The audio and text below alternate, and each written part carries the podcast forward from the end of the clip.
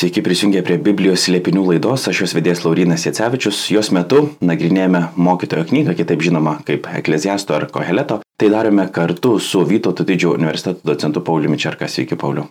Sveiki.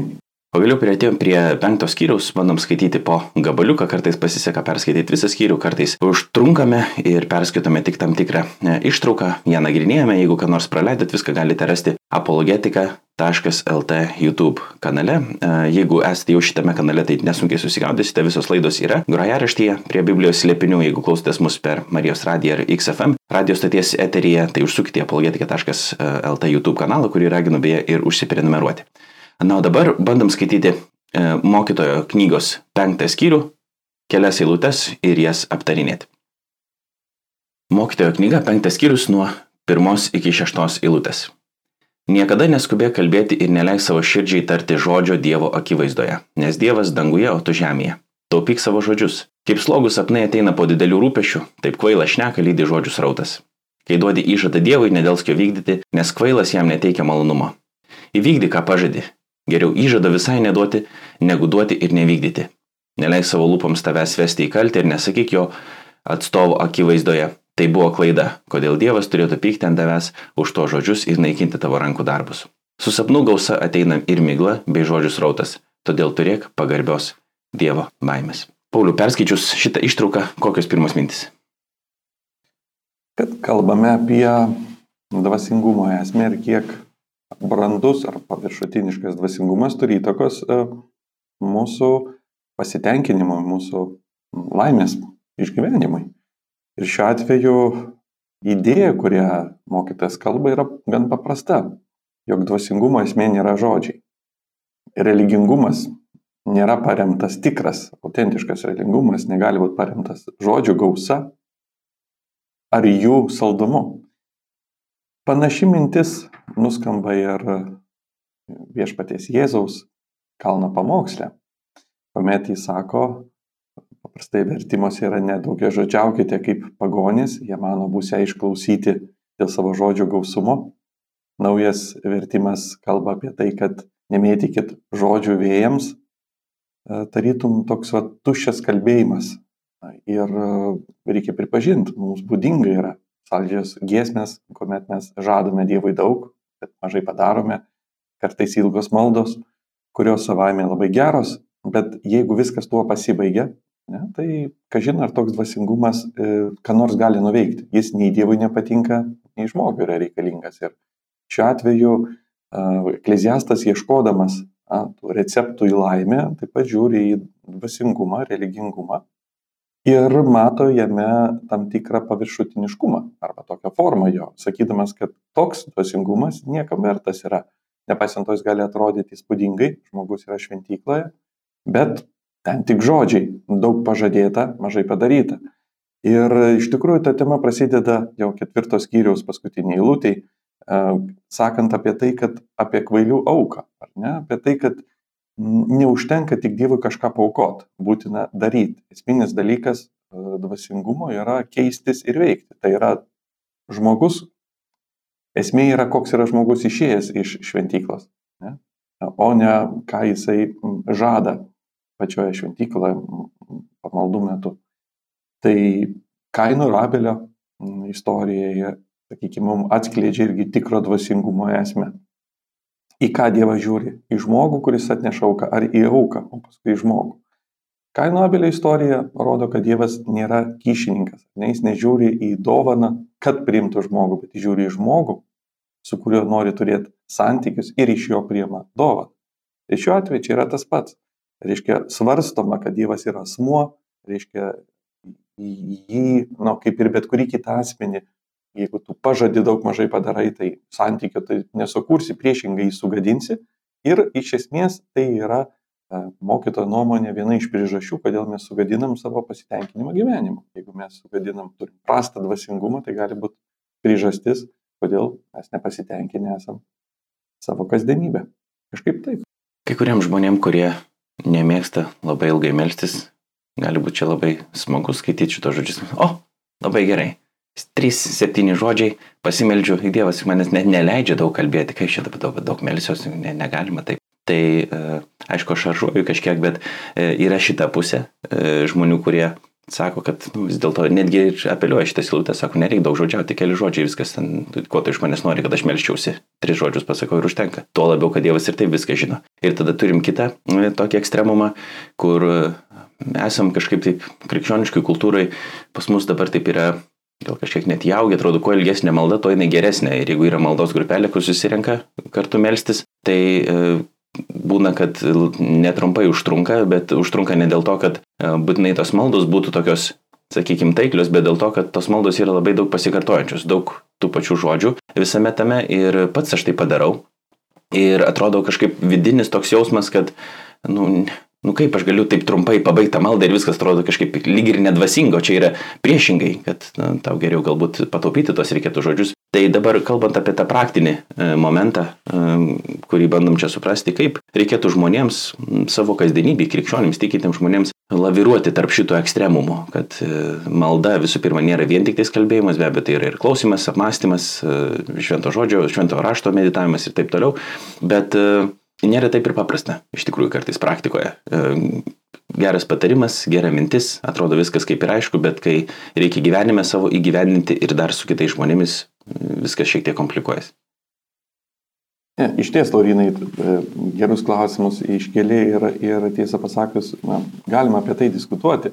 Viena vertus priklauso, kas melžiasi, vaikas, jaunuolis, e, brandus žmogus, ar ne, nuo situacijos, ar tai yra, sakykime, viešas e, maldos susirinkimas ar žmogaus asmeninė malda, daug yra niuansų, bet aš pradėčiau nuo to, kad labai dažnai mes būtent pradedam mąstyti apie maldą kaip apie techniką, ne? kaip galvojam, o kokia jinai yra veiksmingiausia, kaip aš suvaldau savo mintis, galbūt e, kaip aš nurimstu. Tai geri klausimai, tai geri klausimai, bet maldoje maldos technika yra ne pirmiausias klausimas. Ir vat, iš tokių įlūčių mes suprantam, kad svarbiausia yra žmogaus gyvenimas. Dievas žiūri į žmogų, į asmenį. Ne į jo techniką, ne į jo žodžius, net ne į jauką, kaip mes sakome, ne į, ne į tos pažadus, ne, bet į to, ką tu išgirsti. Ateidamas į Dievo namus, būk greitas klausytis. Tai reiškia, esmė yra klausytis, tai yra paklusti. Pats žodis reiškintis išgirsti arba ir paklausyti, ar ne, hebrajiškai, būtent panašiai kaip lietuvių kalboj, aš paklausiau, gali reikšti, kad aš įsiklausiau, bet gali reikšti, kad aš padariau, kas man sakoma. Taip ir hebrajų kalboje yra tas pats jungtis tarp veiksmo ir, ir išgirdimo. Ir iš esmės maldos gyvenimo, kaip bebūtų paradoksalu, pirmoji taisyklė yra gyvenimas po maldos arba iki maldos. Tai yra koks tu esi ne religingoje aplinkoje. Tai yra pagrindinis receptas į sėkmingą maldą. Žmogaus teisus gyvenimas. O kas yra sėkminga malda? Kaip pamatuoti dabar, kas yra sėkminga malda? Kuri gauna rezultatą. Tai malda ta, kuri priimtina Dievą. Ir net ta, tas santykis, kuris yra jam mielas. Tai šiuo atveju mielas, jam negali būti miela maldos technika. Taip, jam gali būti mielas žmogaus gyvenimas, jo pasiaukojimas, jo artimo meilė, šitie dalykai jam gali būti mėly. Ir tada, ir tada jam yra miela ir malda.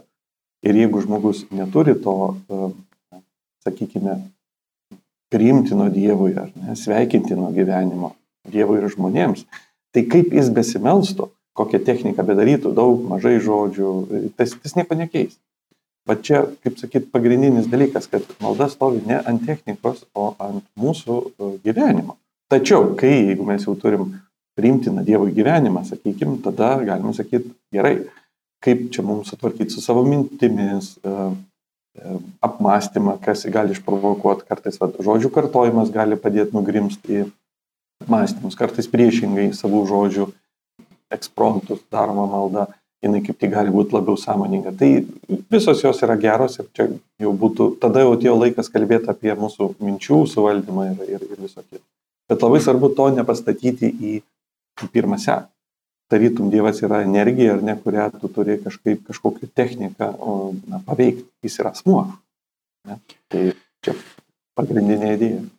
Gerai, tai papolemizuojant šiek tiek dar prisiminiau kitas vietas iš šventojo rašto, kur kalbam apie tą įkyrų įprašytoją, kuris ateina, vienas ateina kaimynas pas, pas draugą naktį prašo ir jeigu ne iš draugiškumo, tai duos tada dėl to, kad, kad iš, iš įkyrumo, po to dar kitas yra pavyzdys. Taip pat yra kita eilutė, kur sakyti, kad daug gali karšta teisėjo malda. Aišku, čia jūs atsakysit, kad svarbiausia teisėjo, kad teisėjai gyventi reikia. Vis tiek yra karšta malda. Bet ta kita eilutė vis tiek, ne, yra tok, tas momentas toks, atrodo, man tai yra pakankamai sudėtinga e, suprasti šitą vietą dabar, kad tai, tai kažkaip kitas, nu, kiti irgi tas eilutės belskite ir jums bus atidaryta, irgi maldos kontekste supranta. Tai kaip dabar derinti uh, tą, tą, nes čia ne apie techniką galbūt kalbame, bet apie tokį įkyrų prašymą, tarsi Dievas ne iš draugiškumo, kaip, na, nu, aišku, ten yra palyginimas, tai čia nėra viskai, visiškai vienas prie vieno, bet kaip reikėtų išrišti šitą situaciją. Na, labai taikliai pateikė tos palyginimus. Tose palyginimuose vis tiek mes turime būtent, kad kalbasi draugai kad kalbasi draugai. Draugas prašo už draugą. Ir jeigu mes turim būtent herojus kaip draugus, šito palyginimo mes suprantam, kad juos sieja na, draugystė, bendri interesai, bendri tikslai, vienumas. Ir šiuo metu, reiškia, žmogus ateina prašyti kažkokios esant problemoje pagalbos. Tai, tai vis tik tai yra draugystės ryšys. Tai nėra svetimas žmogus, kuris įpuola ir tiesiog labai yra įkyrus, kad kažką išsikaulintų, bet tai yra draugas, kuris remiasi draugystė ir e, nepatogiu galbūt metu, naktį, bet vis tik ta draugystė primena uoliai ir na, pasiekė savo rezultatą. Taip pat ar našlė, jinai vis tik teisėjas jai pretenzijų jokių negalėjo turėti. Jinai buvo silpna, jinai buvo socialiai pažeidžiama, bet ji nieko nepadarė įstat, priešingai įstatymui. Tai tokiu atveju um, jos, galima pasakyti, atkaklus prašymas ir buvo išgirstas. Ir vis tik herojai yra našlė, o ne kažkoks na, huliganas, kuris labai, kažko labai uoliai prašo. Ne? Taip kad visuose tose prašymuose yra a, tas santykio elementas, o iš to santykio kyla prašymas. Bet net virkščiai prašymas santykį dedant į šalį. Kaino Abelio idėja yra būtent tokia, kad Kainas neturi santykio, bet jis bando jį sukurti, papirkdamas Dievą nu, savo, sakykime, aukomis. Abelis atvirkščiai turi santyki ir kyla iš jo. Ir tada Dievas traukia auką jo priemą. Pasakyta, kad jis pirmą pažiūrėjo į Abelį, paskui į auką. Pirmą pažiūrėjo į kainą ir nepažiūrėjo į jį. Na, tada nepažiūrėjo į auką. Tai va čia esminė yra dvasingumo idėja, kad Dievas pirmą žiūri į asmenį, o paskui jo maldą rauką. Gerai, sakykime, įsisukot. Dabar e, paskutinė mintis, klausimas tiksliau, e, kalbant apie tas pirmas šešias eilutes, konkrečiai šeštoji eilutė yra tokia mislinga vieta, su sapnų gausa ateina ir migla, ir žodžių srautas. E, kuo čia dėta ta sapnų gausa? Na, sapnai tuščias dalykas, ar ne, tu gali daug prisapnuoti e, gražių įspūdingų dalykų, bet tu pabundi ir supranti, kad tai yra tuščia. Ne? Tai šiuo atveju tas tuščias dvasingumas yra panašus į, į sapnus. Skamba gražiai, ne, bet jis realiai nepaveikia mūsų gyvenimą. Tai, kas vyksta sapnų karalystė ir lieka ten. Tai šiuo atveju tokia alegorija, ne, kad jeigu tai yra tik saldi malda, skambi malda, jį paveiks nedaugiau negu geras sapnas. Gerai, pažiūrim į kitas dvi eilutes - septintą ir aštuntą. Kai kur nors matai vargšų priespaudą, teisų ir teisingumo pažeidimą nenustepk. Ne kiekvieną pareigūną prižiūri aukštesnis pareigūnas, o virš jų yra dar aukštesni. Visą apsvaršius kraštui naudinga, kad įdirbama žemė prižiūrėtų karalius. Kaip būtų galima pakomentuoti šitą vietą? Jo, ne visai aiškus tekstas, bet panašu, kad čia mokytojas kalba apie mm, korupciją valstybėje. Ir dažnai mes pamatę korupcija žemuosiuose sluoksniuose, pagalvojom, kad ji ten ir pasibaigia, bet mokytas sako, iš tikrųjų gyja eina aukštyn, aukštyn, aukštyn, aukštyn ir vis, vis aukščiau ir aukščiau. Ir dažnai tai pasitaiko iš tikrųjų ir praktikoje, kad nustačius korupcijos žydinį paaiškėja, kad tam tikras atkatas, ar galima pasakyti, pasiekė viršininką, jis pasirodo bendrauja vėl su kažkuriais viršininkais ir, ir va, toks korupcijos na, gyja veda jį iki aukščiausios valdžios sluoksnius. Ir tokiu atveju ta sistema, jinai save pro proteguoja ir problema aiškiai nėra tik apačios, ar ne, problema yra ir viršus. Ir ką sako mokytojas, jis viena vertus e, kalba apie tą na, politiko, valdininko tarytum labai sėkmingą vietą, ar ne, tu gali iš korupcijos tarpti. Kita vertus, tu pjauni šaką, ant kurios sėdi, nes jis kalba sekančiai lūtėjai apie tai, kad iš laukų aprūpinamas yra karalius arba biudžetas valstybės. Ir atrodo, tie laukai, juos dirba, na, patys paprasčiausi žmonės, tai yra tie, kas yra prislėgiami korupcija, tai yra na, kasdienybė, tai yra, kaip sako, mes, aš paprastas žmogus. Tai iš esmės ant tų paprastų žmonių ir laikosi, galima pasakyti, valstybė. Nors atrodo kartais, kad e, kažkokie labai stambus verslai išlaiko valstybė, iš tikrųjų išlaiko va, tas smulkusis vidutinis verslas. Tas, kas dirba žemę, jisai išlaiko biudžetą, kita vertus jis labiausiai nukenčia nuo tos, e, sakykime, na, korupcijos. Tokiam, tokiam lygiai dažnai tos didelės kompanijos um, gali kaip čia, kovoti su ją arba jos būti nepaveiktos, o dažnai mažiukas, kodėl jis paveikiamas korupcijai, jis nepajėgia tos naštos reguliacinės iškelti, neturi tiek resursų paklūsti vis, kiekvienai tvarkai ir dėl to gaunasi, kad na, jis yra tinkama žuvytė korupcionieriui, kad, kas, kad kažkokio pažeidimo nepastebėtų. Tai idėja yra ta, kad jeigu valstybė toleruoja tą korupciją, jinai pjauna, jinai gadina pati, pati save, nes jinai prislegia tą patį sluoksnį, kuris realiai ją ir išlaiko. Štai kodėl na, yra tikslinga siekti, kad korupcijos valstybė būtų mažiau, nes tuo pačiu pačiai valstybė yra daug geriau. Ir jeigu mes matom tas valstybių pavyzdžius, kuriuom sekasi kovoti su korupcija, kaip taisyklė, jų valstybių biudžetai na, yra labai na, turtingi, jie iš tikrųjų gaunasi, kad valstybei apsimoka apsivalyti nuo korupcijos, nors iš pradžių atrodytų, ne, valdininkai kaip tik gali uh, būti labiau praturtėti ar ne iš tos korupcijos, bet iš tikrųjų rezultate, kadangi pati valstybė išsilaiko iš žmonių, kurie yra paveikiami, tai gaunasi, kad jeigu tu leidi korupcijai tarpti, galbūt trumpalaikį perspektyvą atrodo, kad tave pasiekia kažkokios dovanas, bet tu nupjauni šaką, ant kurios sėdė, tu sunaikini tuos, kurie tave išlaiko iš esmės.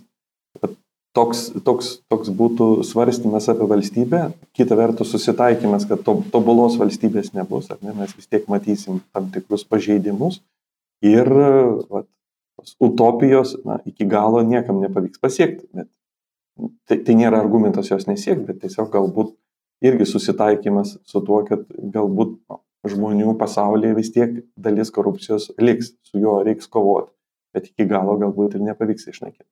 Kalbant apie teksto struktūrą, ar nėra keistas toks šuolis nuo vienos temos prie kitos? Šit panašu kaip patarlių knygoje atrodytų, kad gali taip tiesiog nesisėti vieną eilutę su kita. O čia tarsi mes tikėtumėmės tokio kaip ir nuseklaus teksto, nuseklaus kalbėjimo, o dabar apie dvasingumą ir e, daug žodžiavimą kalbama, o po to iškart apie korupciją valstybėje. Jo, geras klausimas, bet greičiausiai jisai e, veda daug kartų, na, ieško sakykime, kur, kur galėtų būti kažkas labai prasminga. Ne? Ir, ir viena vertus jis parodo, kad dvasingumas gali būti priežastis, kodėl mes nerandame pasitenkinimo. Paskui jis kalba apie mūsų vis, na, socialinį, politinį gyvenimą, kuris irgi yra gyvenimo dalis ir rodo, sakykim, jo iššūkius, kad nemastytume, kad ten yra arba tau, toj korupcijai būtų laimė, nes dažnai kartai žmonės ją susižavė mąstydant, kad o, galima iš tikrųjų lengvai praturtėti. Tai galbūt taip sakyčiau, kelia tą patį klausimą, kokie žmogui gyvenimo, kur jo yra tas atlyginimas gyvenimo ar ne, iš, jeigu gyvenimas sunkus, tai koks mano, kur ta kompensacija ir tarytum eina per įvairias rytis ir, ir, ir svarsto apie jas. Galbūt dar viena gyja yra ta, kad jeigu prieš tai buvo kalbama apie teisų gyvenimą, ir to rezultatus ir santykių su Dievu ir, ir tada jeigu priešingai tušia dvasingumą, tai čia galbūt irgi kalbama, bent jau pagal reikėtų numanyti apie tai, kad vis dėlto verta gyventi yra teisiai, o mes žinom, kad teisumas yra įmanomas tik tais e, gyvenant tinkamam santykiu su Dievu ir pagarbai viešpatės baimiai, ne iš kurios ir kyla ir korupcija ir visi kiti dalykai. Tai galbūt, galbūt dar kažkaip taip. Galutinis rezultatas, ar ne bus mūsų pamokyti viešpatės baimės, tos autentiškos, tikros viešpatės baimės ir norint jos išmokti, iš tikrųjų reikia apsvarstyti tam tikrus procesus, link ko jie veda, suprasti jų baigti ir tokiu atveju supratant to proceso, sakykime, įdingumą, jį atmesti. Bet e, tam, kad tas būtų sąmoningas sprendimas, tu turi jį apmastyti, suvokti, kas čia per procesas. Ir šiuo atveju, aš manau, jis labai taikliai aprašė dviem eilutėm korupcijos esmę ir korupcijos žalą, ar ne? Pirma eilutė jis parodo, kaip jinai įsišaknyja visoje struktūroje, antroji jis parodo, kaip jinai kenkia visai valstybei. Tai šiuo atveju per dvi eilutės perpasakotas, sakykime, visą tai, ką galima būtų ir kalbėti apie korupciją valstybėje. Gera knyga susidaro toks įspūdis. Skaitom toliau tą, tą gerą knygą nuo 9 iki 16 eilutės. Pinigus mėgstantis niekada nepasisotina pinigais, neturtus mėgstantis pelnu. Tai irgi migla. Kur daugėja gerybių, ten daugėja ir jas valgančių. O koks pelnas savininkui? Nebent savo akis jo paganyti. Darbininko miegas saldus, ar jis mažai ar daug valgė, o turtuolio perteklius neleidžia jam miegoti. Skaudus blogis, kurį mačiau pasaulio, buvo turtai, laikyti savininko nelaimės atvejai. Verslas nenusisekė ir tie turtai prarasti. Jam gimė sunus, bet jis nebeturi nieko jam palikti.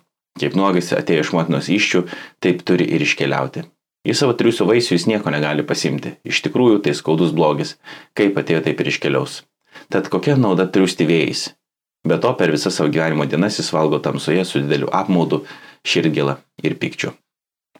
Nemažai minčių kartojasi, aišku, tas, kas buvo pasakyta jau prieš tai buvusiuose skyriuose, bet jeigu pradedant taip knibinėti atskirias eilutes ir tokias praktinės implikacijas žmogaus gyvenimui, gali susidaryti įspūdis vėl, kad mokytojas tarsi mums sako, kad neverta savęs per daug investuoti į šitą gyvenimą, nes nusivilsi ir tada žmogus gali pradėti irgi mąstyti, ai, tai gal ir taupyti tada neverta, gal pensijos neverta yra kaupti, nes tiesiog Jeigu paprastas krikščionis skaitydamas šitą knygą bando savo, dažniausiai bent jau Biblijos studijose būna toks paskutinis klausimas ir svarbiausias visiems, ką man su to daryti? ką man su to veikti, nes mes paskait, būna tai paskaitom, paskaitom, paskaitom ir atrodo kaip ir užtenka ir tada kažkas sako, palauk, palauk, palauk. Bet ką man, ką man kalba ir ką man su to dabar reikia daryti. Čia aišku, nėra finansiniai patarimai dalyjami dabar e, šitoje vietoje, bet tiesiog kaip reikėtų irgi šitas temas ryšti, ar iš vis mokytojas norim kažką tokio panašaus pasakyti, ar ne, ar ta mintis yra tik tais gilesnė ir jinai turi kažkaip skleistis mūsų gyvenime palaipsniui, ne taip konkrečiose tokiose sritise kaip taupimas arba netaupimas.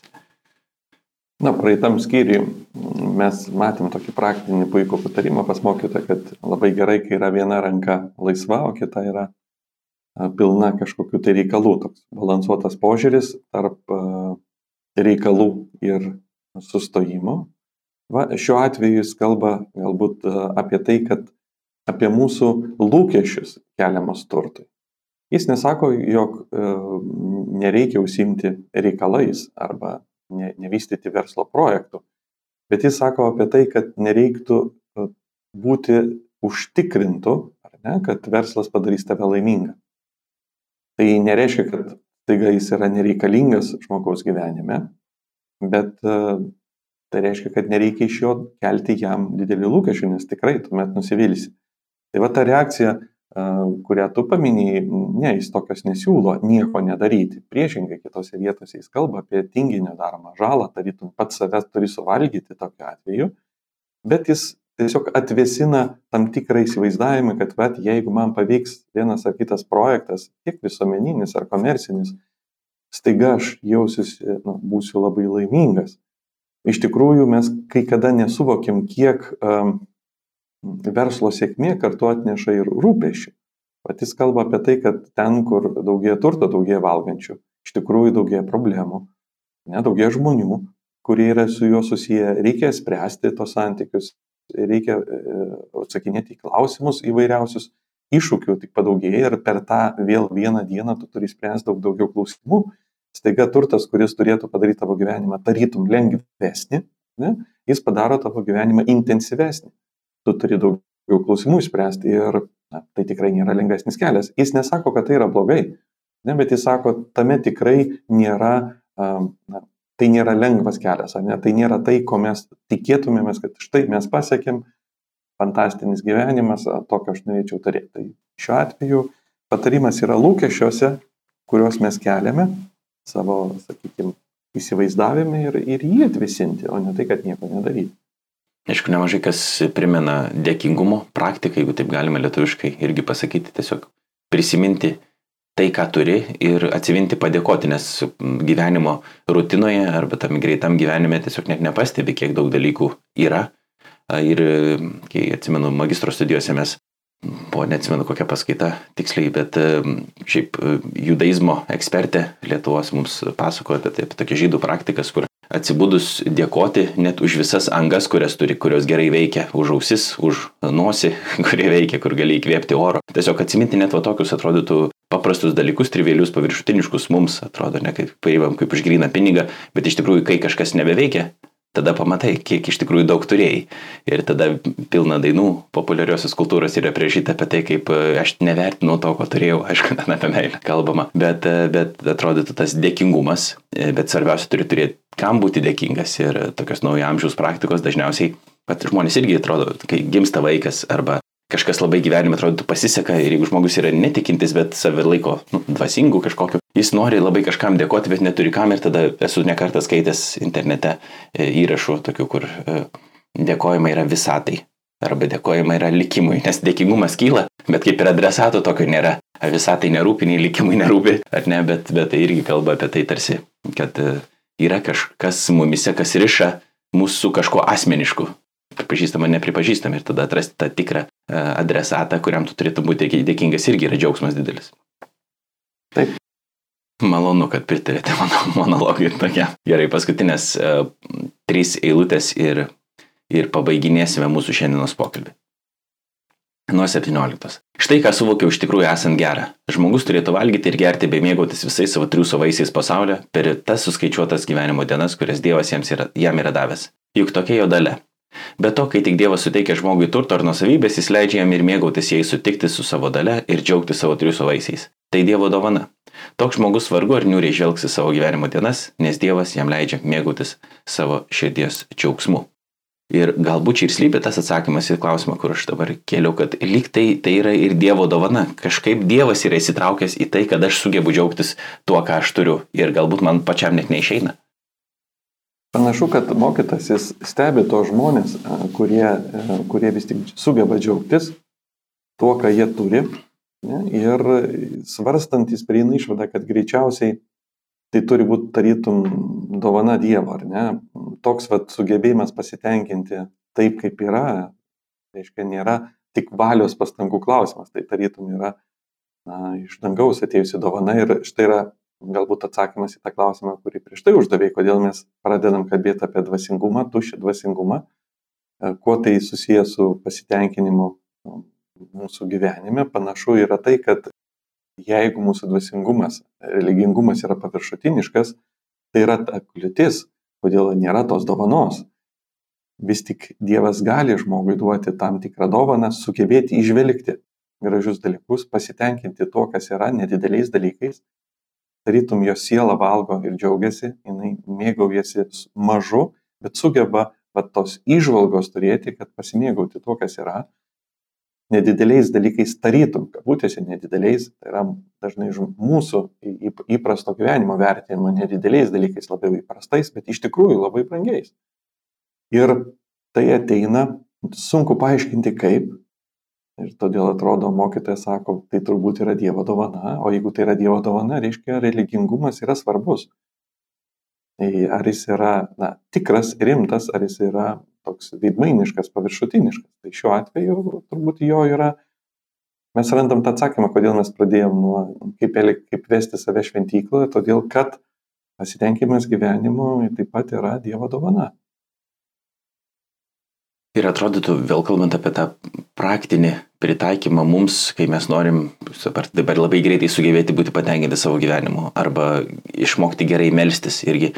Kartais atrodo, ar nėra taip, kad tas pirmas žingsnis yra ne bandyti dabar šitos dalykus labai greitai įgyvendinti, bet kreiptis į Dievą irgi maldingai sakyti, kad viešpatė padėk man džiaugti savo gyvenimu, viešpatė padėk man melstis arba išmokyk mane melstis. Aš net kad kažkada prieš kokius septynis metus skaičiau tokią knygutę, man nežinau, ar parekomendavau, ir taip tiesiog radau kažkur, nes e, tikrai aš nesu pats e, geriausias maldininkas, e, malda neinasi taip jau labai lengvai. E, ir iš vis klausimas yra, kaip ta malda atrodo ir kai pradedi galvoti, tai kartais nukrypsta mintis ir į technikas, e, kaip minėjau, tai iš tikrųjų perspektyva yra visiškai, visiškai kitokia, bet ta knygutė nedidelė buvo, neatsimenu, kas rašė, bet jinai buvo pavadinta viešpatai išmokyk mus melstis, man atrodo. Ir pagrindinė ten mintis tokia ir buvo, kad nu, nelabai tu išmoksi gal pats melstis, tu prašyk viešpatės, kad tau visai padėtų. Ir tada kažkokiu ypatingu būdu, įdomiu būdu viešpats veda ir per santyki su juo tu kažkaip ir mokysi melstis ir mokysi ne technikų, o to santykio e, palaikymo. Ir panašu galbūt, kad taip gali būti ir su to džiaugsmu gyvenimo irgi, kad jeigu ieškai viešpatie to džiaugsmo,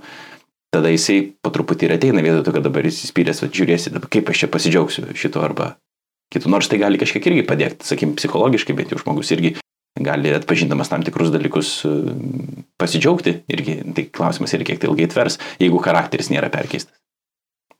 Taip, iš tikrųjų, va, ta nuostata viešpatie išmokė, kai tai yra mokinių žodžiai užrašyti Evangelijoje, kodėl, kuomet jie ateina ir jie prašo Jėzaus juos pamokyti ir tada mes išgirstam tėvę mūsų maldą, kaip tikrą modelį maldos, jis moko juos taip melstis ir šiandien mes taip melžiamės, bet uh, evangelistai vis tik užrašo mums tą jų prašymą, ne tik pradeda nuo to, kad Jėzus mokė, kaip reikia melstis, bet staiga pradeda nuo tos dalies, kai kažkas ateina ir sako, išmokyk mus, tai reiškia, akivaizdu, jie suvokia, jog nemoka, suvokia savo silpnumą ir uh, rezultatė jie mokosi nereiškia, kad iš karto jie ir išmoko, bet va, tas suvokimas savo silpnumo ir nepasitenkinamumo yra labai svarbi dalis.